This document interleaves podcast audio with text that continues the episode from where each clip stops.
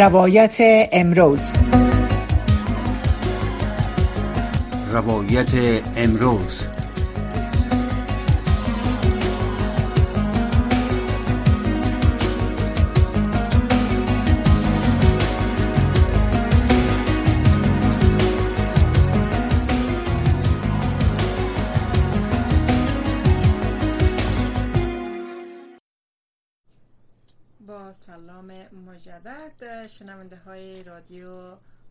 آشنا صدای امریکا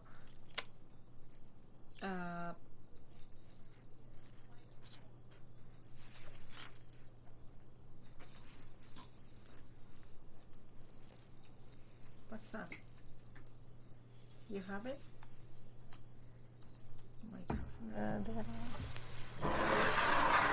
Do you hear me?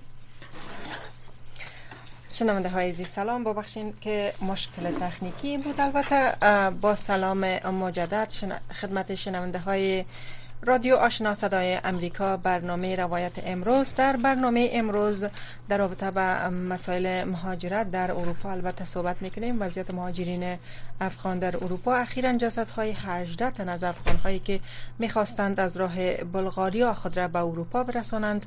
پیدا شده مقامات بلغاریا گفتند که در مورد دلیل مرگ افغان ها البته تحقیق می کنند طبق آمار ارائه شده پس از تسلط طالبان بر افغانستان شمار افرادی که افغانستان را به دلیل اقتصادی امنیتی و تعقیب از سوی طالبان ترک می کنند به صورت چشمگیر افزایش یافته.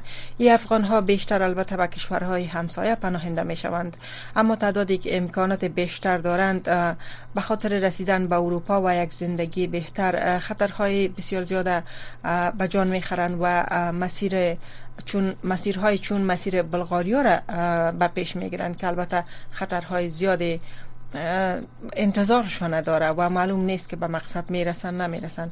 و اخیرا پنجا و دو تن از افغان ها پیدا شد که می‌خواستن به بلغ از راه بلغاریا به اروپا بروند که متاسفانه 18 نفر از اینا هلاک شدن در ایران در برنامه از محترم شعیب لالی فعال حقوق بشر و فعال مهاجرین. در اروپا دعوت کردیم که در, در رابطه با وضعیت مهاجرین که جانهایشان در ایران در بلغاریا از دست دادن و همچنان در رابطه با دیگر مهاجرین و وضعیتشان بر ما معلومات بتن آقای لالی صدای مرا دارین؟ با درود به شما. بله من صدای شما را دارم. اگر شما صدای مرا داشته باشید. بله صدای شما را دارم. خوش آمدین برنامه تشکر از وقتتان و حضورتان. لطفا اگر کمی معلومات در رابطه به حادثه اخیر بتین. وضعیت چگونه است؟ معلوماتتان در رابطه به تلفاتی افغان هایی که می‌خواستن از بلغاریا به اروپا برن چی است؟ با درود به شما و شنونده های شما با تاسف است که مردم افغانستان مردم مظلوم و ستمدیدی افغانستان در شرایط قرار گرفتن که ناگزیر بین زندگی و مرگ یکی انتخاب بکنن. مرگ در زیر سایه طالبان و زندگی به اصطلاح خارج از جغرافیای افغانستان. و هم با شرایط بسیار بد و ناگوار حتی با مرگ. ما شاید این حادثات بودیم هستیم و با تاسف و درد خواهیم بود. اخیرا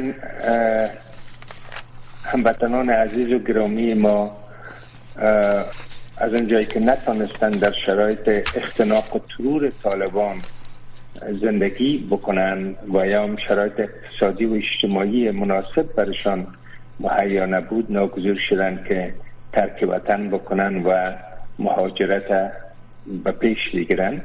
با تاسف و درد که شرایط بسیار بد و ناگوار را طی کردن تا ای که بتانن خود در یک نقطه برسانن که برای خودش فامیلش و خانواده و اطفالش یک نقطه امن و آسایش باشن. شما می‌دانید که از افغانستان برآمدن و به سمت غرب یا اروپا آمدن یک مشکلات خاص خود دارن. شرایط آسیای میانه سهل تر است. شرایط پاکستان و ایران هم سهلتر است. ولی از اون جایی که دوستای یا هموطنان عزیز ما خواهش شدید دارن که در رفاه و آسایش زندگی بکنن و از طریق ایران ترکیه و آبها خود برسانن به اروپا. شرایط بسیار دشوار را باید تایی بکنن که با تاسف در امی پینجا و دو نفره که شامل این مهاجرت بود و اجده نفره طرف دادیم و جانای شیرینشان از دست دادن و اجده فامیل نه تنها که اجده فامیل مردم افغانستان در سوق نشاندن واقعا در دور است. گفته شده که وقتی خب راه ها بسیار خطرناک است در مسیر راه ها طبعا که خطرات جانی و هر خطر دیگه را می‌تونن اینا متقبل شوند. اینا در کدام منطقه و دلیل از که در این منطقه مشخص اینا هلاک شدن چی بوده؟ شما می‌دانین که کشور بلغاریا امروز بگذارین ایتو توضیح بتون که بعد از 2017 که خیلی از ماجرین از افغانستان و ایران و منطقه به طرف غرب می آمدن ترکیه و یونان بهترین مجرا و یا راه بود برای عبورشان به طرف اروپا. یا به اصطلاح مدینه فاضله یا امو فردوس برین یا بهشت یا هر چیزی که نام بگذاریم. چون اروپایی ها این جغرافی ها را واقعا برای خودشان به اثر سیاست های استعماری و استثماریشان بهشت برین ساختن یا مدینه فاضله ساختن. و این مدینه فاضله یک آرمان است برای او کشورهایی که مردم های او کشورهایی که در شرایط بسیار بد و ناگوار قرار دارند افغانستان هم من جمله از این کشور هاست. در 2017 تا 2020 شما دقیقا می‌فهمید که چه تعداد افغان های ما مهاجر شدن و در آبها غرق شدن. یقینا شما از این مسئله آگاه هستین. من هم مصاحبه داشتم برای خصوص. حال چون شرایط عبور از این منطقه ترکیه به طرف یونان و به اصطلاح ایتالیا و غرب یک مقدار مشکل شده و خطرات جانی بیشتر داره نسبت به مناطقی که از طریق اروپای شرقی اروپای مرکزی می‌تونن داخل اروپای غربی شوند ساده تر است. بلغاری که از کشور هاست با در این دوستای ما که از این طریق آمدن یقینا انتخاب خودشان نبودن. انتخاب کسایی بوده که پول از اینا را گرفتن و من عیس قاچاقبر و اصطلاح خواستن که صدای من نکاس می‌کنه بله صدایتان حال درست است. خب خواستن که از طریق از طریق بلغاریا به اصطلاح طریق داخل کشورهای غربی شوند. با تاسف که صدای من نکاس می‌کنم و نمی‌تونم مشکل چی است که صدای شما؟ نمیفهم دیر من صدای خود خودم میشنم به او خاطر فکر می‌کنم یک مقدار چی است؟ خب به حال اگر مشکل نباشه من میشه که گپ بزنم اگر صدا را یک مقدار ایکویش پخش بکنیم. بله اگر شما کمک پخش بکنین چون ما اینجا صدای شما رو بسیار خوب میشنویم یعنی مشکلی نداریم با صدای شما. خب خوب است من صدای خود پخش می‌کنم. حالا صدا بله صدای شما خوب بود. از اولم خوب بود حالا هم خیلی خوبه. خوبه لذا بلغاریا یک یک مجرای به اصطلاح به حساب میایه که هموطنان عزیز ما بتانن از دو جهت ایران را انتخاب بکنن یک از لحاظ اقتصادی دو از لحاظ امنیت. از لحاظ اقتصادی یک مقدار ارزانتر میشه و از لحاظ امنیت هم یک مقدار آسانتر و خوبتر است نسبت به او رای آبی ترکیه یونان و ایتالیا. به همین مناسبت است که دوستای ما توسط انتخاب خودشان نیست. انتخاب قاچاقبر است. اونایی که پول می‌گیرن از اینا و اینا را انتقال میدن.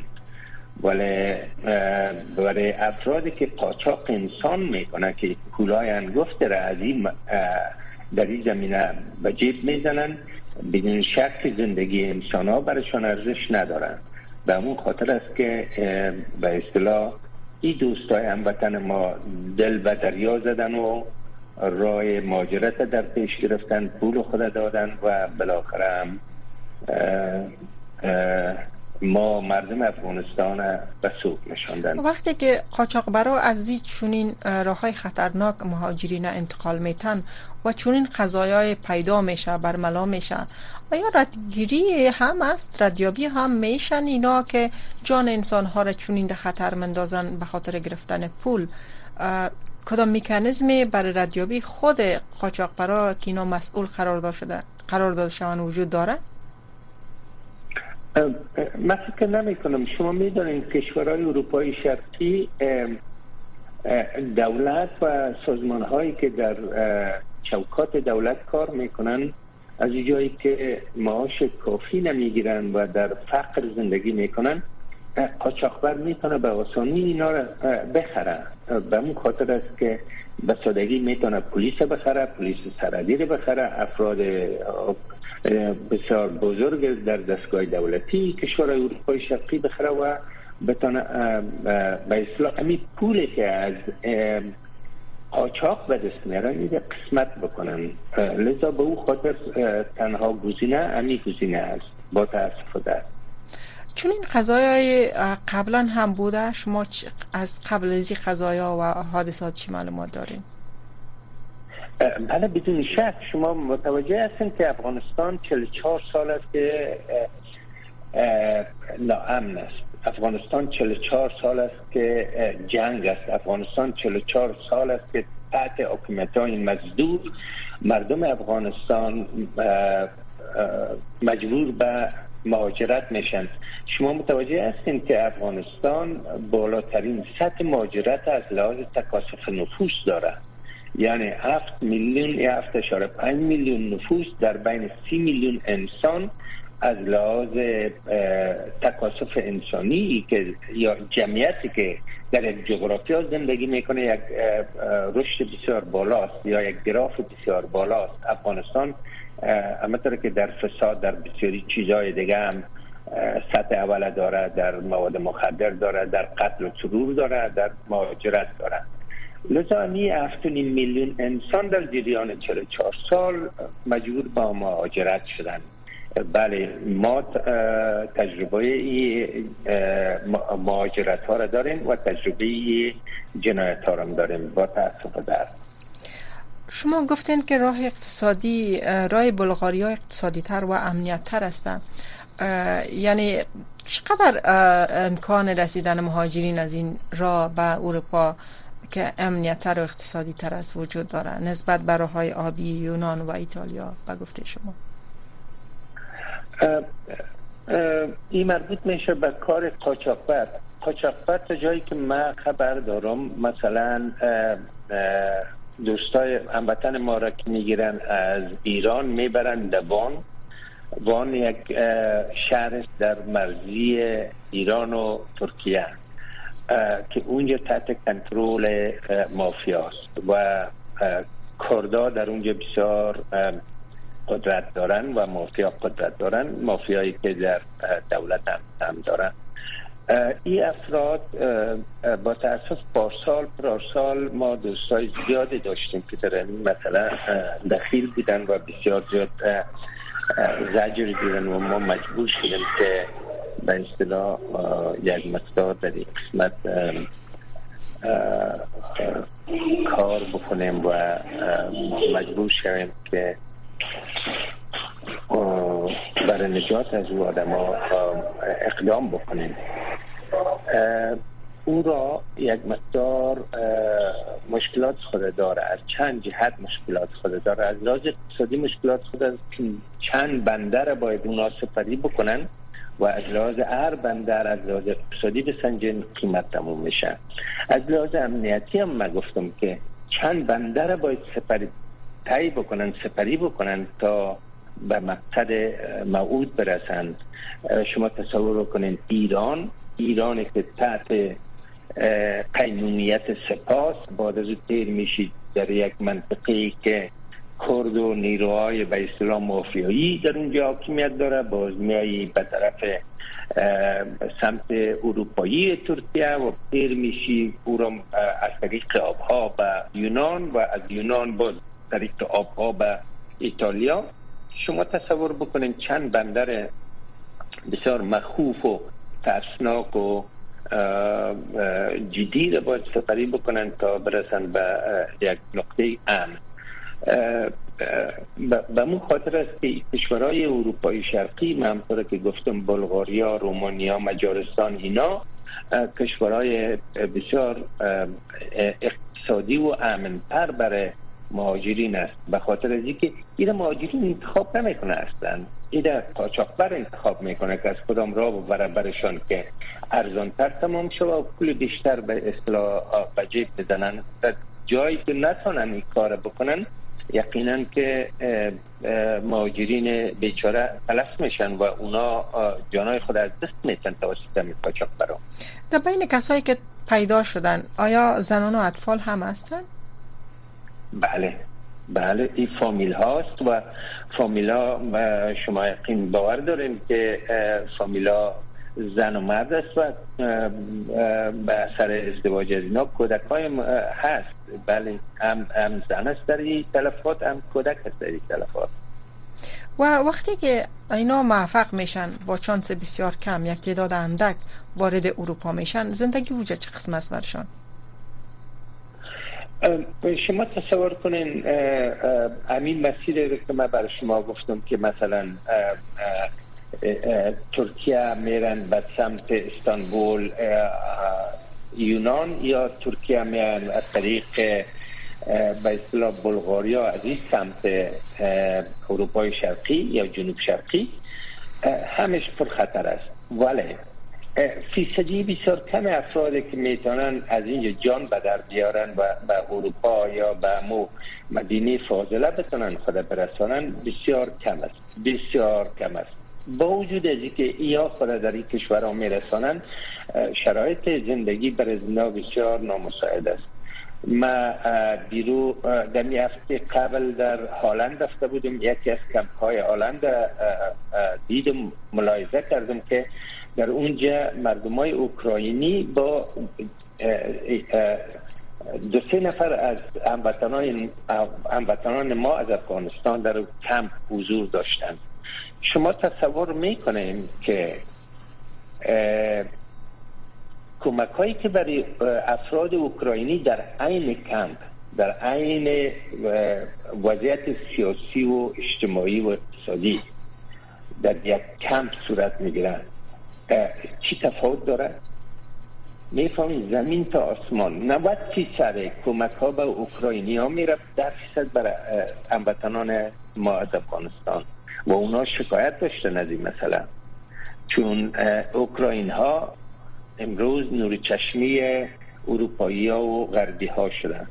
و افغانستان و سوریه و لیبیا و این کشورهایی که شما می‌بینید در اونجا جنگ جریان داره و کشتار جریان داره و اون کشتار جنگ هم به اثر نمی سیاست های غلط و غیر انسانی غرب است. به اصطلاح یقینا که بسیار آزاردهنده است. چرا این تبعیض وجود داره؟ وقت توزیع کمک ها یا در نظر گرفتن کمک ها آیا اونجا تصمیم گرفته میشه که مهاجرین از کدام کشور هستند و در افغان ها مورد تبعیض قرار می‌گیرن چگونه است که چنین شرایط رخ میده.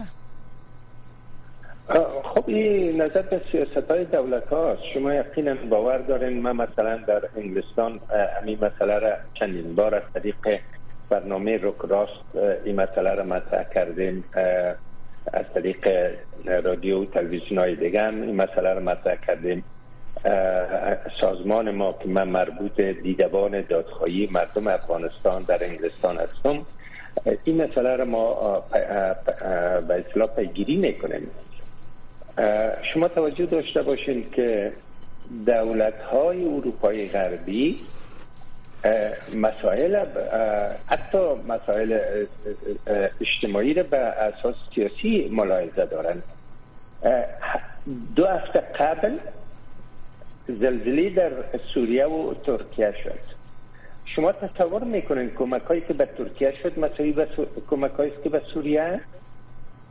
هرگز نیست انگلستان به وضاحت اعلان کرد که ما با حاکمیت تحت به اصطلاح حاکمیت روسیه که در سوریه است ما هیچ کمک نمی‌کنیم.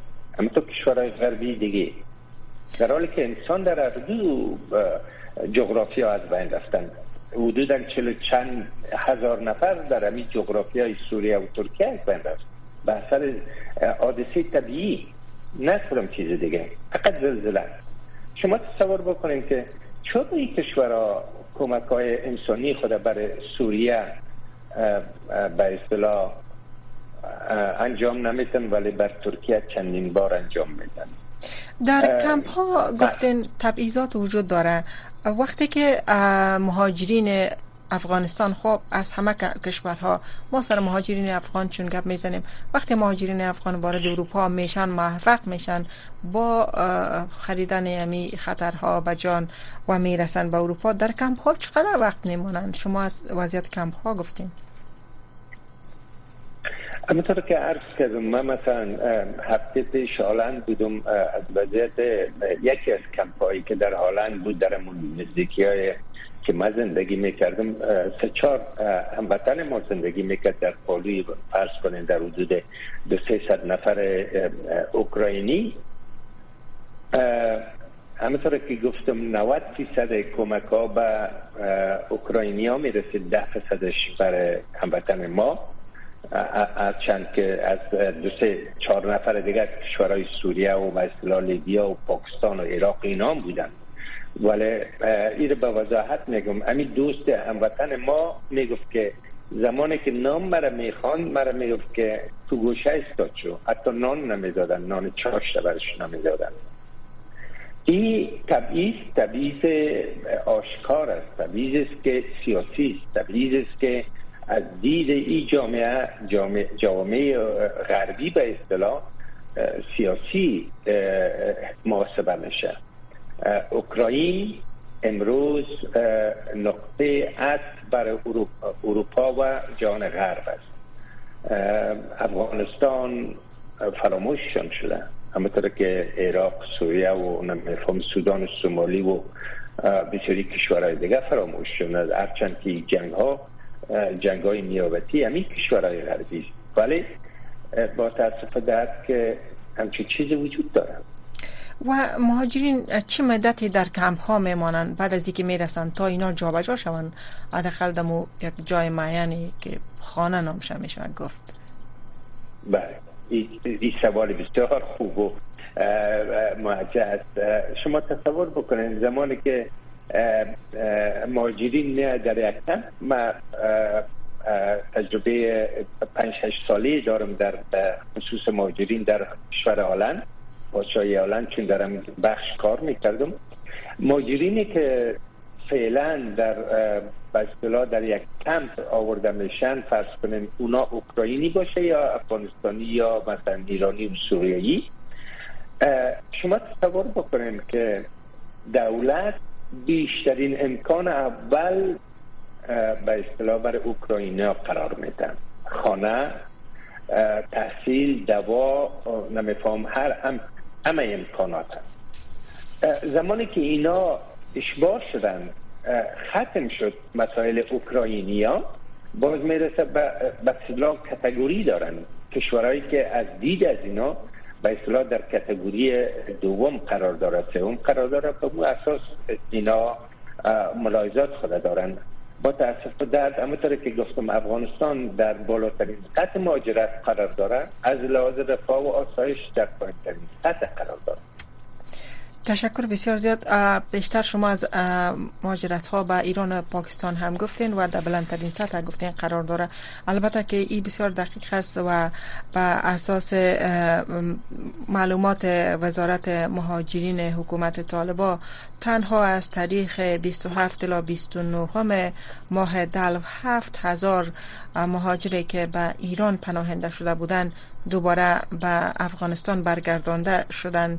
البته تعداد دقیق معلوم نیست که چه تعداد روزانه از افغانستان بیرون میشن و چه تعداد دیگه دوباره رد مرز میشن و به افغانستان برگشتانده می‌شوند و خصوص از کشورهای ایران و پاکستان. پاکستان هم به خصوص در این روزها وقتی مسائل سیاسی کمکی دامن زده میشه شرایط سختی را برای افغان ها افغان ها را البته با شرایط سختی دچار می سازن و پلیس اینا را به هر بهانه بازداشت می‌کنه و دوباره به افغانستان میفرستن و چیزی که بسیار غم انگیز است که وقتی اینا تمام دار و ندارشان میفروشن و پولی جور می‌کنن تا برسن به کشورهای ایران و پاکستان و مثل ماجرینی که در راه اروپا جان دادن به جای برسن و وقتی دوباره به افغانستان میرن با مشکلات اقتصادی همچنان درگیر میشن و بیشتر شدت میابه مشکلات اقتصادیشان به خاطر که دار ندارشان اینا پیش از رفتن مفروشن. لالی صاحب چیز دیگه که از شما می‌خوایم پرسان کنم. شما گفتین تبعیض در بین مهاجرت مهاجرین افغان و اوکراینی و دیگه کشورها وجود داره. چقدر راه های گرفتن اسناد قانونی مهاجرت از راه های قانونی ملل متحد میسر است در آنجا برای افغان ها و دیگه مهاجرین؟ در هم تبعیض وجود داره. چنین امکاناتی را اگر کمی توضیح بده شما تصور بکنین اما که امکانات رفاه و آسایش و جا و مکان و تحصیل و مداوا ما سبب بکنین به عموم تناسب شما می‌تونین مسائل پذیرش و عدم پذیرش شما سبب بکنین. من عرض کردم پیشتر که فامیلای افغانستان که در امی کمپ وجود داشتن در این چند ماه در پیش روی چشمشان فامیلای زیاد رفتن صاحب خانه و رفاه و آسایش و بسیاری امکانات شدن. در حالی که اونا جا به جا بودن. خود نماینگر از سیاست تبعیض آمیزن یا شما تصور بکنین اطفالی از اطفالی به اصطلاح